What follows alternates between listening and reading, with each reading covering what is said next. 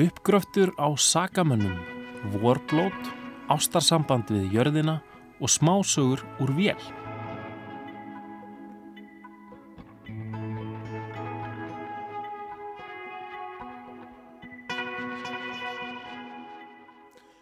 Vorblót, Tjarnabíós og Reykjavík Dansfestival fer fram um komandi helgi. Að því tilefni verður rætt við steinunni Ketilstóttur dansömund en hún frumsýnir nýtt verk á danslistaháttíðinni á föstudag. Verkið sem heitir verk nr. 1,5 sprettur upp úr nokkur ára rannsóknarverkefni steinunar þar sem hún hefur velt fyrir sér og unni með væntingar í dansheiminu. Halla Þórlaug Óskarsdóttir sendir hlustendum peistil frá Svíþjóð um ástarsamband okkar við jörðina, breytingar og tilgangin með lífinu og svo verður minnst á maskinur sem verið er að setja upp í höfustad breytaveldis sem dæla út úr sér smásögum fyrir þreita borgabúa. En Guðni, við ætlum að byrja á símtali. Síminn ringdi hjá þér núna nýverið. Já, bara ekki hær. Alltaf gaman að heyra í hlustendum. Við fengum óvand símtal norðan úr landi en á línunni var Magnús Ólafsson frá Blöndósi sem er oftast kentur við Sveinstaði og nú komið að því að Magnús ætlar að segja okkur setni hlutan á pælingu sem við vorum með hér fyrir vikunni. Það er að segja bókvikunar að þessu sinni er skáltsaga náðarstund eftir Hönnu Kent og hún fjallar um dóminn og málið allt í kringum Agnesi Magnúsdóttur og Fridrik Sigursson sem að örðu árið 1830 en 104 árum síðar þarna á norður í landi þá tóku fadir og afi Magnúsar þátt í því að grafa upp bein Agnesar Magnúsdóttur og Fridrik Sigurssonar 104 árum eftir að þau voru látin í síðustu aftökunni sem fór fram á Íslandi Það var alltaf merkilegt að tala við Magnús um þetta í símanum og ég baði hann að segja hlustendum frá líka. Skulum heyra hvað hann saði. Já, það er frá því að segja að þessu uppræsti kemur þannig til að uh, í júni 1934 eða 104 árum eftir að aftakan er á þrýstöpum þá kemur maður í sveinstæði Guðmundur Hófdalarnafnim og spyr um Magnús Gamla á þessum tíma var náttúrulega ekki internet komið til sögunar og, og kannski mónum menn ekki klára á hverju væri til og hverju ekki en, en Guðmund var ákvæmlega fengið þegar Magnús reyndist vera til og uh, hann ber upp þá ósk við hann hvort að hann sé tilbúin að hjálpa til að leita beinum Agnesar og Fredriks sem voru grafin í landi Sveinstaða. Þessi Magnús var afi minn sem satt bjóð og Sveinstöðum þá og afi segir hún sem sagt að það sé í lægi hans skuli hjálpa til að leita en það var ekki auðvelt. Ég hef ekki hugmyndum hvar við þrýstapana beininu eru grafin. Ég hef búin að lifa alla minn aldur hér á sveinstöðum en hef ekki séð hvar gröfin er. Þá segir hugmyndur en mun það hjálpa til við leitin ef ég segja að þetta sé í hásumar sólsettur átt frá högstoknum séð? Og afi segja að það myndi hjálpa mjög mikið og hann lofar því að hjálpa til við þessa leit en fer nú að hafa áhuga fyrir að vita hvernig Guðmundur viti þetta og þá segir Guðmundur honu það að það hafi komið þrálátt beðni frá Agnesi í gegnum ósjálfráða skrift miðils að bein þeirra væri grafin upp. Miðillin léttlóks undan þessum þráláttu skrifum eh, fekk, og það var gengið í það að fá leifi biskups til þess að grafa beinin upp og jarðsetja þau í kjarnarkirkjugarði á Vassnesi eins og beini Agnesar var um. Nú afa fannst þetta náttúrulega dálítið sérstökt og lofar að fara. En Guðmundur sáðunum áfram það að höfukúpunar væru líka þarna rétt hjá þar sem að beinin væru grafin, kastin með beinunum væri. Sem sagt þannig var að þegar aftóka fór fram eða morgunin eftir aftöku daginn þá voru höfðin horfin sem að höfðu verið stjagsett eins og lög þess tíma gerður rá, ráð fyrir og uh, uh, svo saga kom strax á kreik að gæða konan góða á fingarum Guðrún, uh, konar Björns umbóðmanns hefði sendt vinnumann sinn í skjóli nætur til þess að taka höfuðinn og grafa þau í fingur í kirkugarði. Guðrúnum fannst alveg ófært að höfuðinn læju utan uh, kirkugarðs eins og líkamar þeirra og vildi endilega minnst okkur til höfðin kæmustu výðamál. En í skrif, skrifunum frá Agnesi segir Guðmundur uh, afa mínum uh, þarna morgun, uh, höfukvöldið áður þegar ég fær að leita að höfuðin væru þarna líka vinnumöðun hefði jú að sönnu farið að þrýstöpum nóttina eins og hann, fyrir, hann var lagt en honum brast kjarkur að fara með höfuðkúpuna norður uh, þetta 6 km leið að þingurum. Það lág honum hver sem vill. En það sagði meira, eh, hann náði ekki mínu höfði af stjaganum svo hann braut stjagan, sagði í skrifunum. Og uh, þá Uh, sá uh, eða skrifaði Guðmundur Hofdal í dagbúk sína þá sá ég að Magnús og Sveinstuðum var hættur að trúa þessu því hann sagði ekkert um það en ég sá það svip hans og hvernig hann hristi höfuðið að þetta myndi ekki vera trúverðust.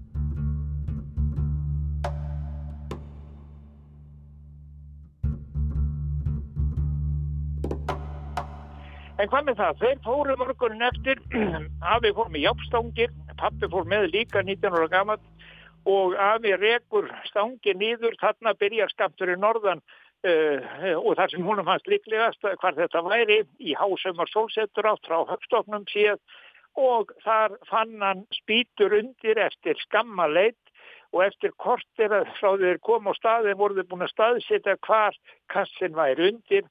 Þeir fóru að grafa, það er ekki orðlengja það að það fyrsta sem fannst voru tvær höfukúpur og 10 cm spítubrót lág við aðra, annað, aðra höfukúpuna. Síðan voru kisturna þar nokkru undir.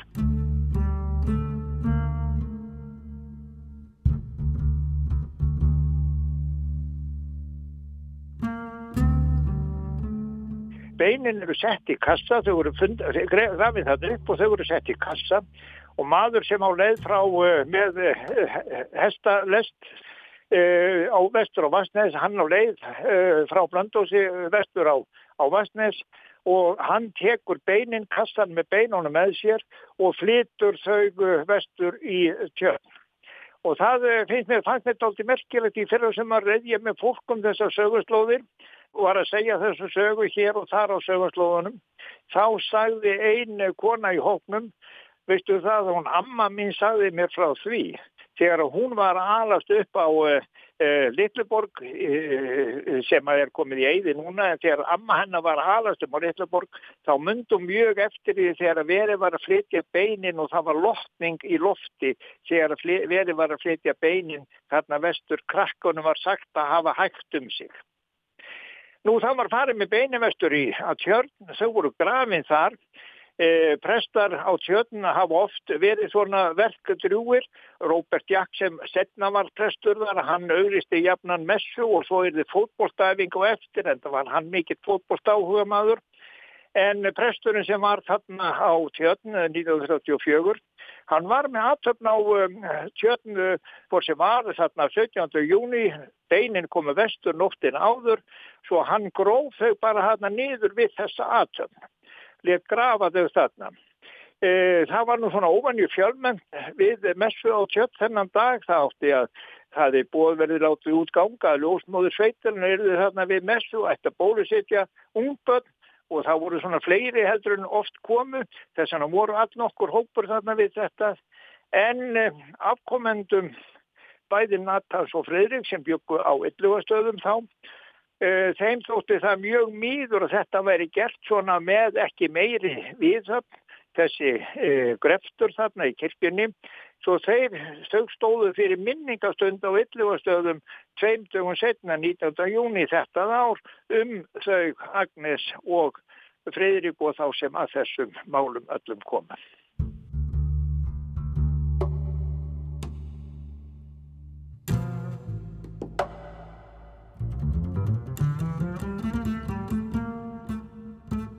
Þessi saga Agnesar og Fridriks hún eður óhemju margar hliðar en uh, ég er svona að segja þessa sögu og ímislegt uh, sem um þetta hefur verið vitað.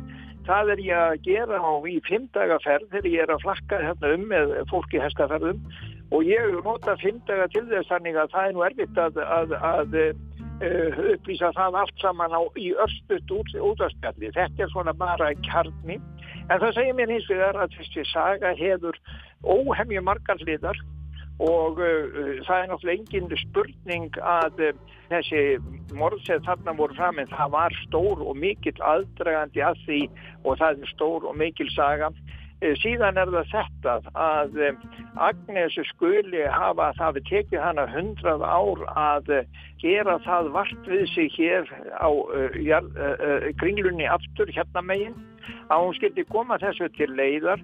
Og ég er svona hugsað um það mikið hvernig uh, líður fólki þegar það er komið yfir móðuna miklu hvernig tekur það í þár Eh, en hundraða og fjórum árum setna þá kemur Agnes þessu til leiðar. Hanna kent bókinni þessar mögnuðu bók sem að hún skrifaði, hún hefur sagt frá því að hún hefur orðið mjög vör við Agnesi þegar hún var að skrifa bókina og það hefur hafa fleiri nefn sem að eh, fjallað hafa um þessi mál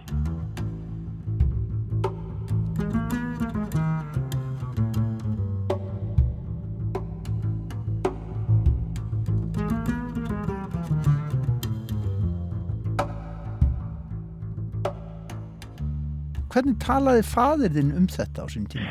Pappi talaði með raunar aldrei eða mjög lítið um þetta. Eh, ég hef þá tilfinningunni að uh, þetta með höfukúpunar sko, hann, það vissu allir að beigja, hérna líkamanni voru þarna en, en höfugúpunum átt að vera þingurumferðgarði. En ég held að pappa hafi einhver meginn fundist það sem 19 ára gamnum strák og sjá þarna höfugúpunum allt í einu líkjandi þarna. Það hafi tekið ákveð á hann og hann talaði mjög lítið um þetta. Fyrst fór ég að heyra um þetta einhver tíman eftir að ég var svona orðin eh, stúdungstrákur eða komin á, á, á tvítusaldur þá um, er Guðmundur frá uh, Sönnulíði Vastaf Guðlússon sem skrifaði bókin Engin og undan líta. Hann var mjög mikið að koma þarna norður og skoða sögurslóðirnar og ræða við fólk og þá rætti hann svona okkur við pappa og það var eiginlega fyrsta sinn sem ég heyrði eitthvað pappa eitthvað tala um þetta en Guðmundur byrtir þarna ímislegt um þetta í sinni bók.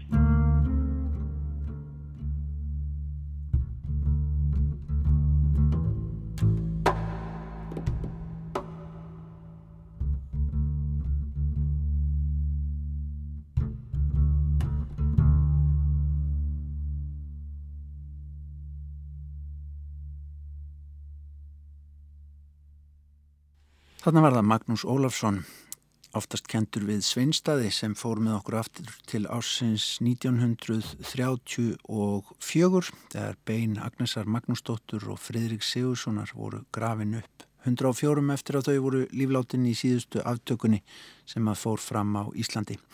En atbyrðunir líkja til grundvallar skáltsugunni Náðarstund eftir Hannu Kent sem er einmitt bókveikunar að þessu sinni og verður rætt í þættinum á sunnudag eins og við heyrðum svo sem um fyrr í vikunni. Já, þetta mál heldur áfram að vera fólki innblástur fyrir skáldskap og, og vangaveltur. Já og greinlega Magnús saði mér að það væri vinsælt að fara í hestaferðir hjá með sér bara að, að, á sögusvið þessara sögu allrar. Það er náttúrulega mikið dramatík. Einmitt, algjörlega. En við ætlum að fara yfir til Svíþjóðar. Halla Þórlaug Óskarstóttir sendur okkur pistil frá Gautaborg.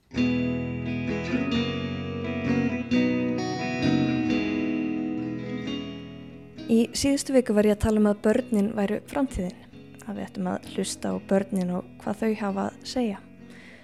Ég tek þetta allt tilbaka. Ég var náttúrulega að lesa rannsókn frá háskólanum í Lundi, eða ég var að skoða svona grafmynd sem var búin til upp úr nýðustöðum rannsóknarinnar, þar sem borðnar voru saman áhrifamestu leiðirnar til að minga kólefnisfótspór sitt. Áhrifunum var skipt í þrjá flokka, mikil áhrif, meðal áhrif og lítil áhrif. Í floknum lítil áhrif var til dæmis það að skipta glóperm út fyrir sparperur. Í miðjufloknum voru nefndir hlutir eins og að hengja þvótt á snúrur í stað þess að nota þurkara, endurvinna og skipta ólíubíl út fyrir ramagsbíl. Í floknum mikil áhrif var nefnd að gerast vekan, fækka flugferðum og stunda bílausan lífstíl. En það sem trompaði allt, og ég meina markfalt, var að eignast einu barni færa. Já, þá var það sem stóð. Einu barni færra. Svo ég væri þá barnlaus, bróðum minn ætti þrjú börn, sýsti mín eitt. Já, ég væri ekki barnlaus, ég væri ekki til. Orð ársins hér í Svíþjóði fyrra var flugskömm. Skömmin sem fylgir því að fljúa, sérstaklega í skemmtiferðir eða þegar annar möguleiki er í bóði. En líka bara að fljúa. En nú er sem sagt annað orð að reyðja sér til rúms og það er orðið flerbanskam. Sú skömmin fylgir sem sagt því að eiga mörg börn. Börn sem borða, prumpa, rópa, slíta fötum, æfa kannski íþróttir og borða ekstra mikið og skila þá ekstra miklu koltíóksíði út í andrumsloftið með útöndun. Það er vand lifað í þessum heimi. Nýlega lasi nefnilega aðra greinum að íþróttumennska væri slæm fyrir umhverfið. Ég varði þetta guðslegandi feina hafa bara mætt í rættina þrísvarsinum á þessu ári, en þrísvarsinum of oft fyrir umhverfið. Svitnaði eiturgöfum á leðin heim. Já, það er vandlifað í þessum heimi. En hér erum við samt og til hvers? Sartre sá ágæti heimsbyggingur sagði að fyrst værum við til, svo getum við farið að leita merkingu tilverunar. Á klárkall, hann Sartre. Sumir segja að tilgangurinn með lífinu sé að fjölga sér. Ég held að það sé ekki rétt, en að sleppa því að eignast börn ef maður virkilega vill eignast börn er ansi stór fórn, jafnvel fyrir góðan málstað.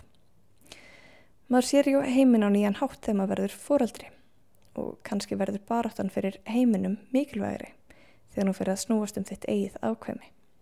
Þú ferð að vilja bjarga heiminum svo barnið þitt upplifi öryggi og eigi gott líf. Það er vandlifað í þessum heimi og það er vandlifað í þessum heimi. Guðni Elísson sagði í sjómarsviðtalið um daginn að við værum ekki að bjarga heiminum okkar. Hann sagði Svo jörð sem við björgum núna verður ekkert í líkingu við þá jörð sem við ólumst upp í. Það verður allt öðruvísi viðurfar og visskerfi verður af öðrum toga. En við getum enn það bjargaðinni, sagði Guðni, en hann segir að við þurfum þá að hugsa um það á allt öðrum fórsendum. Og til þess að bjarga þessari jörð þurfum við að breyta okkar lifnaðarháttum.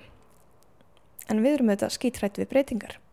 Alltaf að vera eins og það var, hefði bundið staðalað monotónist og einfalt, helst en er ekki breyting einmitt frum fórsenda lífsins? Ég á ekki við að það sé gott málað heimurinn, þar að segja lífskilirði ósónlægið og jörðin sjálf sé að taka stórfældu breytingum, heldur við sjálf okkar hugmynd um heiminn og hvernig við lifum. Í bóksinni Meningin með hela hvítin fjallar Nína Ógistan um alla lífsins valmöguleika, mest í sambandi við vinnu. Hún vil meina að það sé hægt að taka ákverðin og taka svo bara aðra ákverðin setna. Ég veit, algjör ofinbyrjun. Samkvæmt Nínu Ógerstan er eiginlega bara tvent sem er óafturkræft. Að drepa ykkur og koma barni í þann heim. Það er kannski ekki alveg 100% rétt en þetta er áhugavert. Þetta með hvernig við hugsaum um valmöguleikana. Ef við af dramatíserum þetta svo litið. Þú þart ekki að skipta gjörsamlega um identitet þó þú veljir að gerast grannmyndisæta. Þú getur alltaf hætti. Í raun er það versta að gera ekki neitt. Sittja bara á hugsa. Tíminn er nefnilega líka og afturkrefur.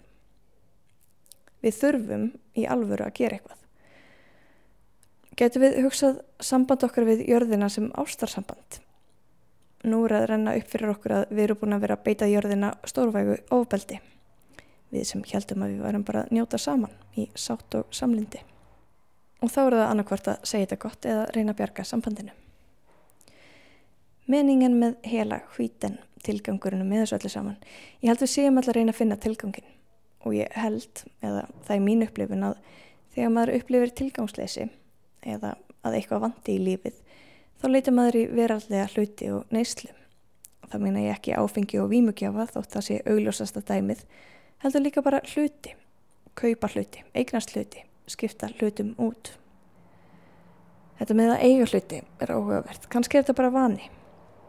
Við erum vön tilugsunum að búa í einn húsnæði, eiga bíl, ríksöku, hverstags og sparistel, þótt auðvitað sé þetta ekki raunin fyrir alla en þetta er eitthvað svona, eitthvað hugmynd til þess að e, stefna að í hugum margra. En svo þegar við eignum hluti missum við fljótt áhugan á þeim. Fóreldrar smábarna þekkja triksið að feila bróðurpart ámæliskefana og týna þessu fram eina af annari svo barni fá nú ekki leið á öllum í einu. Kona sem er eina af mínum uppáhalds í þessum heimi ringdi mig um daginn og sagðist það að vera að pæla svolítið í kommunum. Að fleiri fjölskyldi búi saman og deili eignum sínum og hjálpi stað. Þetta komið svolítið á óvart á svo góðan hátt því hjálpar ekki hún hugsaði þannig. Því hún býr í einbílishúsi á bíl, börn, allt þetta, þú veist, vennilega. Og ég held bara að hún væri þannig. Og það er svo gaman þegar það opnast inn á eitthvað óvænt hjá þeim sem maður þekkir vel. Maður upplifir eitthvað óvænt í aðstæðum sem eru vani. Við erum svo kjörn á að skilgreina fólk. Þessi típa og hinn típan. En ekki síst okkur sjálf. Við viljum lifa upp í ykkur ákveðna hugmynd. Ég vona að allir sé að gera sitt besta og ég trúi því virkilega að það sé engin vísvitandi að skemma nema sá hins að með sé veikur og þá þarf hann hjálp en við stöndum alltaf fram með fyrir vali. Á ég að taka flug til Fuerteventuras til að dandalast þar í viku? Stundum er það kannski mikilvægt og stundum alls ekki. Og þá er kannski allt í lægi að segja bara nei, veistu, gerum eitthvað annað í staðin Þetta með barnignir í upphafi að það sé lausnin að hætta eignast börn. Ég trú ekki á það. Eða þú veist, ég trúi því alveg að þetta sé bara best að við segjum það gott mannfólkið, hættum að búa hérna frelsum jörðina undan þessu óbyldis sambandi en við viljum með þetta lifa. Og einhver frumkvöld innra með okkur vill að einhverjir okkur skildir haldi áfram að lifa eftir okkar dag. Skoði hlutin okkar á söguna. En við þurfum kannski bara að endur skilgrina hvað í því fælst að lifa. Því svo munum við all deyja, deyja frá ástkonu okkar jörðinni og hvernig viljum við að hún muni eftir okkur. Ég hugsa þær séu ótaljandi, greinarnar og bækurnar sem fjallaðum eftirsjá á dánarbyðinu. Að hafa ekki eld draumana, hafa eitt of miklum tíma í vinnunni, hafa ekki ofinbyrjað tilfinningar sínar, hafa ekki synd viðnáttunni, hafa ekki lift sér að finna haminguna.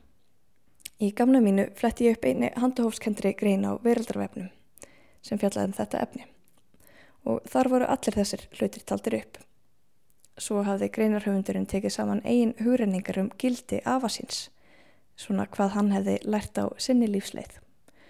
Og það var eitt sem ég fann svo fallegt og það snýrist um að rík halda ekki íneitt. Engin veraldleg gæði sem sé. Tjeður afi hafði haldið öllu með opnum lofa og gefið áfram. Það er svo fallið hugsun að halda með opnum lofa. Að deyja þýðir að sleppa taki á heiminum og því fyrr sem við lærum að gera það, því betra. Fyrir viku síðan vildi ég að við hlustuðum á börnin. Nú vil ég að við vingumst við nýræða sjálfi sem býr innræð með okkur. Við lifum bara einu sinni, en við þurfum ekki að lifa stórt. Lifum bara satt og fallega.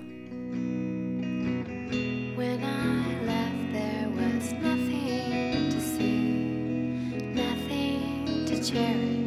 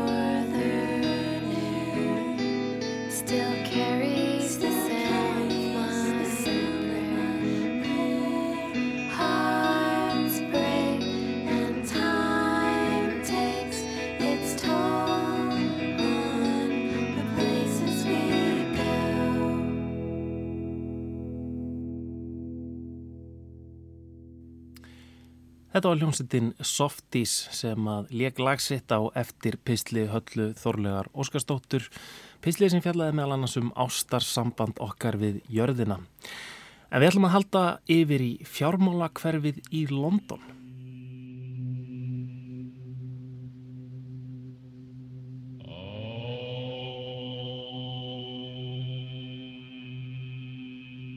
This is your short story.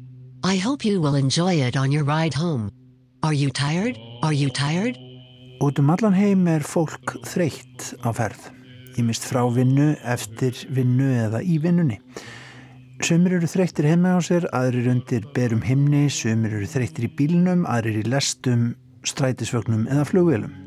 Í efnuðum löndum þar sem fólk er oftar en ekki með tæki í vösunum sem eru með miljónfaldar reiknigetu bandarísku geimferðastofnunarinnar NASA þegar þeir komu manni á tunglið eins og ekkert sé, þá eru möguleikar þeirra tækja sem við höfum í vösunum auðvitað fjölmarkir, ekki síst þegar kemur að því að láta hafa ofanaf fyrir sér við ferðarlögin. Í símanum má hlusta á tónlist, láta náttúru hljóð, fossa eða ljúfan vindblæ leika um vitundina eða láta lesa fyrir sig sögur auðvita. Aðrir velja tölvuleiki sem ímist deyfa eða rækta hugan en þær rattir heyrast oft að nú sé svo komið að fólk sé einum of upptekið af heiminum sem símanir okkar opna á hverjum degi. Thank you for choosing a short story. Þegar kemur á því að hafa ofanaf fyrir þeim sem að ferðast þá bætist nú við einn valkostur í borgarlandslægi í London bara núni í vekunni. En það eru eins konar sjálfsalar á vegum franska fyrirtækisins Short Edition. Í þessum græjum sem fyrstum sinn verða settar upp í viðskiptakverfinu Canary Wharf í London munu þreytir starfsmenn fyrirtækina þar í kring geta orðið sér út um smásögum, einna mínútu, þryggja eða fimm mínútan langa Með því einu að íta á takka og þá prentast sagan einfallega út á sérstökum miða.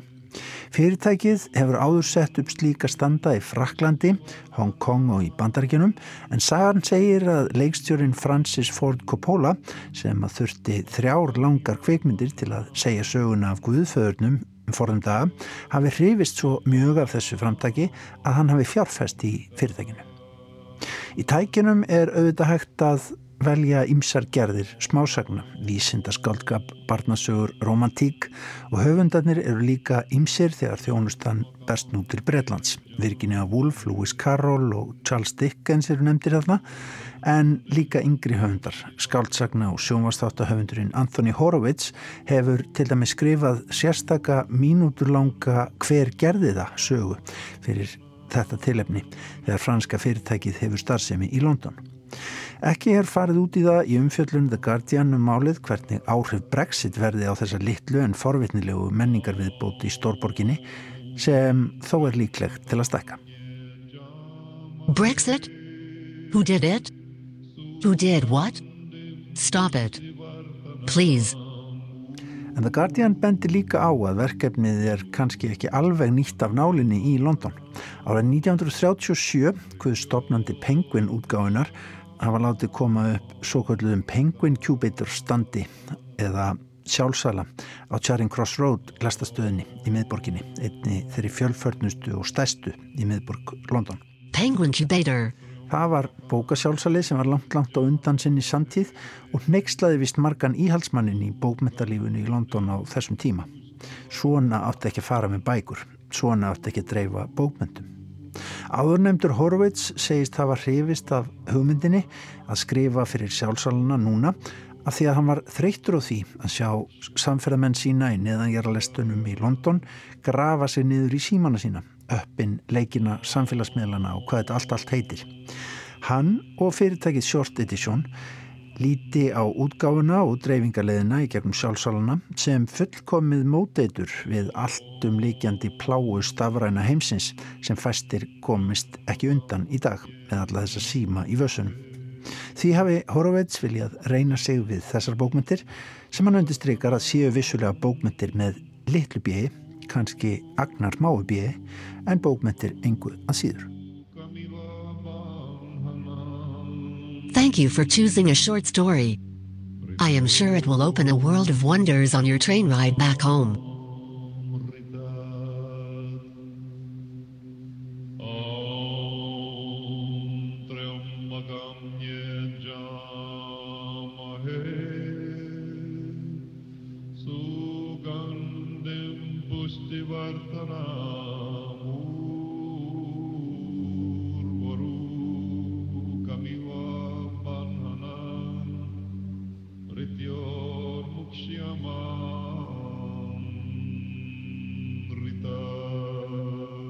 Sma, Saga, Fyrir, Borgar, Linana, Goda, Ferd.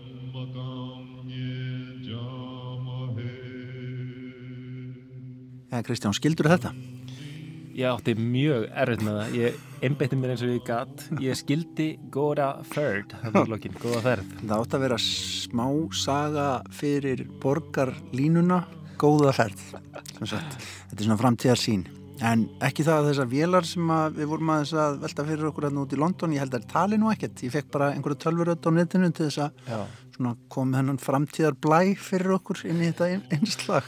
Ég vona að uh, rattirnar verði orðnar betri að lesa texta í framtíðin. Já, þetta er, þetta er sem sagt einhver, einhver heimsk hérna, tölva sem að kann bara lesa ennsku, gerir það ágætlega, en kann náttúrulega ekki okkar ástkjara í líra. Það er Það er líklega verið að smíða aðrar og merkilegri vélar til þess, en það þarf það líklega til. En við ætlum að fá músik. Þú fannst út úr því að það veri góður og gildur jazzari sem ætti ammali þetta. Já, Suður afríski jazzarinn Hugh Masekela hefði orðið áttræður í dag, 4. apríl, ef hann hefði lifað, en hann lést í fyrra, að ég held. Um, ég grúskaði aðeins í, í kistu Ríkisútvarfsins og fann áhugavert lag, skemmtilegt lag af, af plötu frá sjönda áratögnum mm. plötu sem nefnist Grr mm. G-R-R-R og lagið heiti, heitir Sjarpvöld ég með grunar að þetta fjalli um fræg fjöldamorð sem fóru fram í Sjarpvöld eh, í Suður Afríku mm. á sviðböðum tíma á platakomút Skemmtilegt lag með þungan undir tón Heyrum það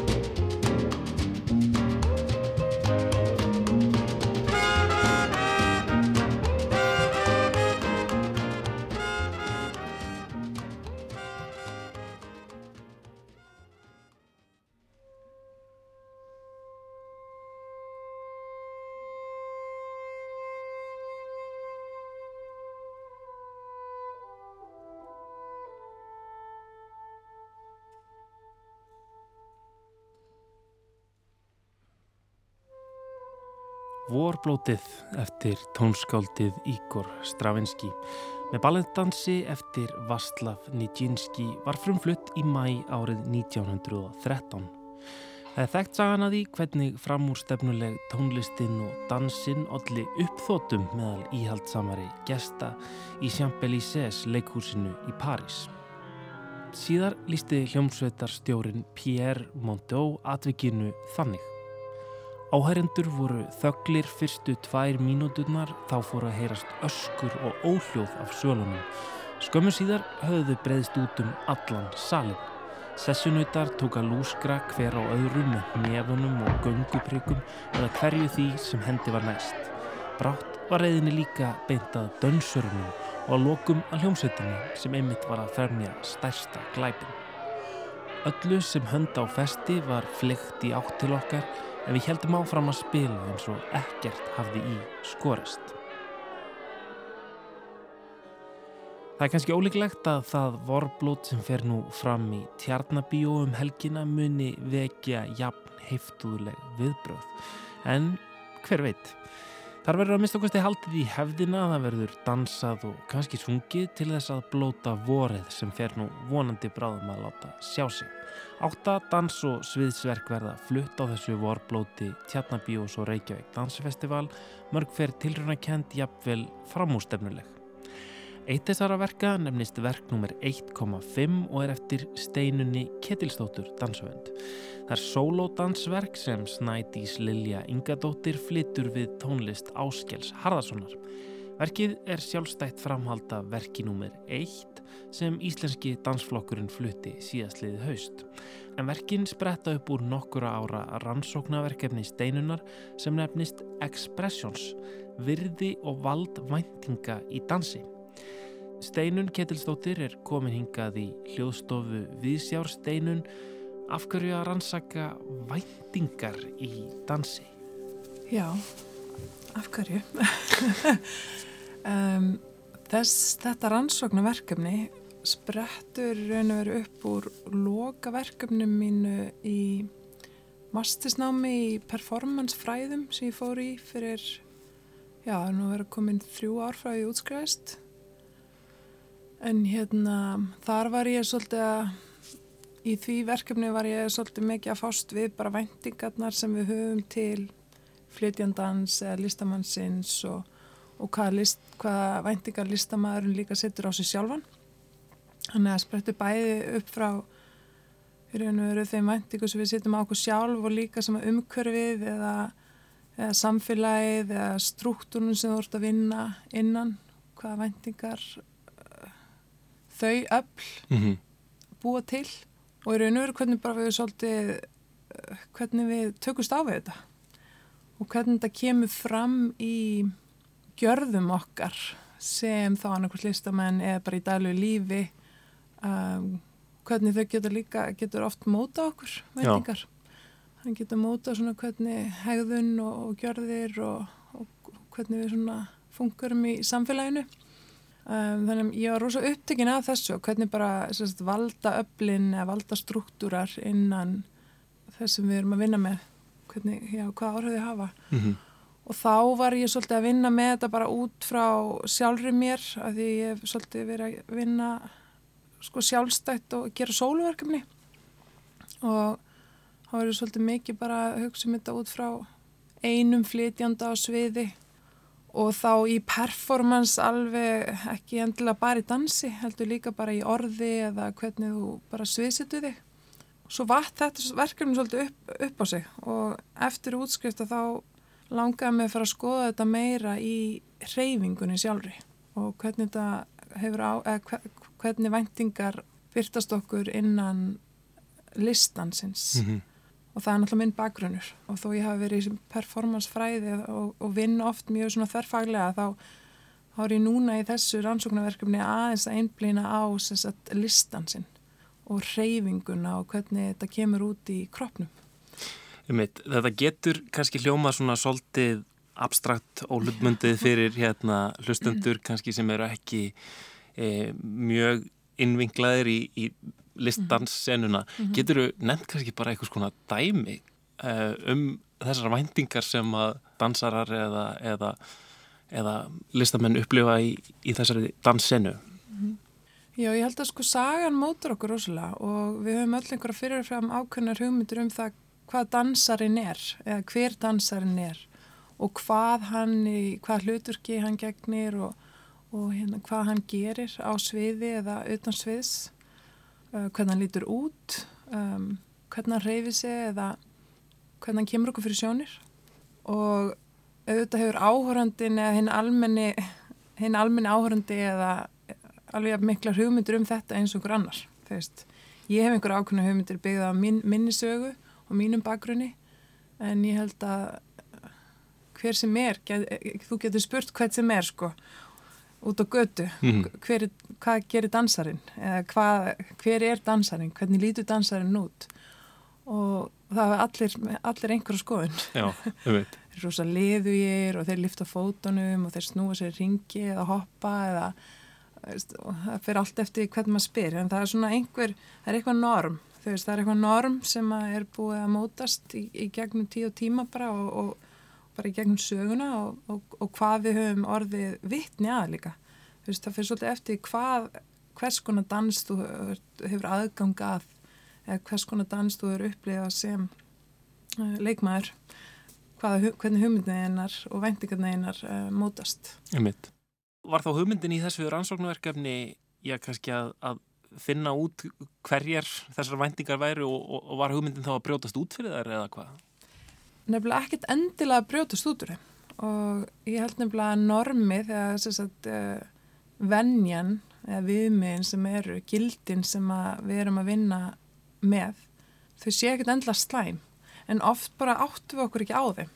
Og við kunnustu öll við að hvað er, getur verið erfitt að breyta einhverju hegðun einhverju vanafastri hegðun um, einhverju, einhverjum vennjum, einhverjum rútínum sem við erum búin að koma okkur upp í daglu lífi, ég meina breyta mataræði, breyta reyfingu, breyta einhverju svona í, í lífi okkar sem eru orðið að einhverju minstri og auðvitað gerist þetta líka í vinnu og þetta gerist líka í vinnu dansarans.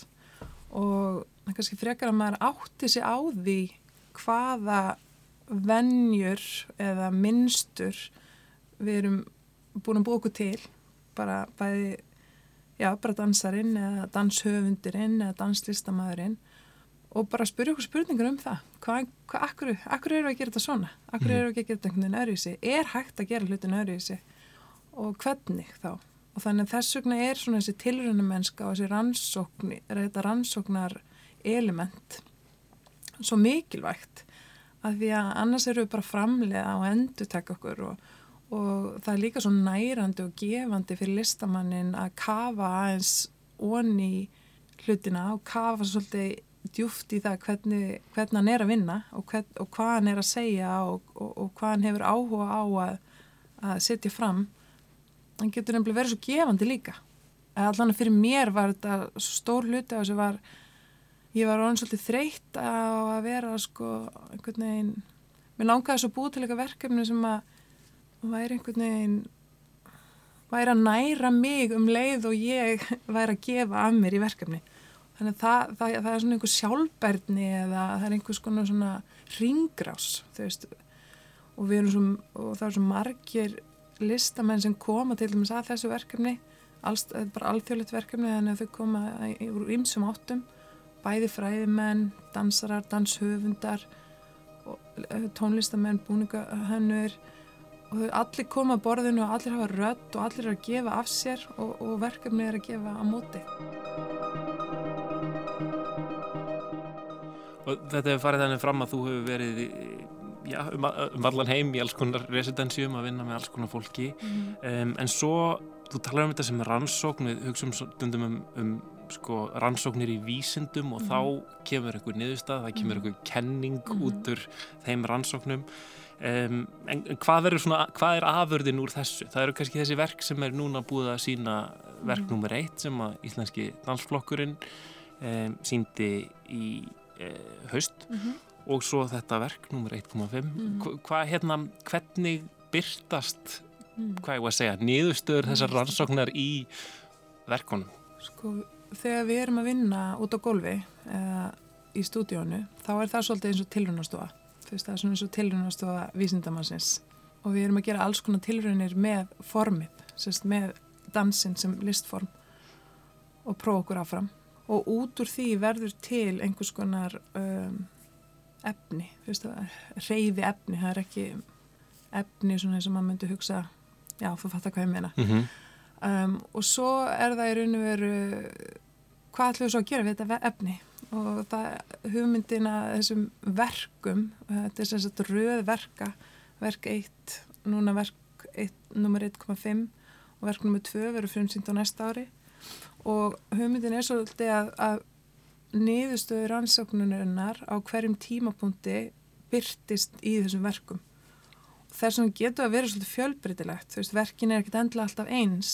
Það fyrir svolítið eftir hvar við erum stödd í rannsókninni sjálfri en það er samt einhvers konar byrtingamind á einhverjum hugmyndafræðilegum heimi og líka svona ákveðni um, já það er bæðið sem sagt hérna, hugmyndafræðin og aðferðafræðin við það hvernig maður skapar efni eða situr efni á svið þannig að þetta kemur allt úr sama pottinum svo, mm.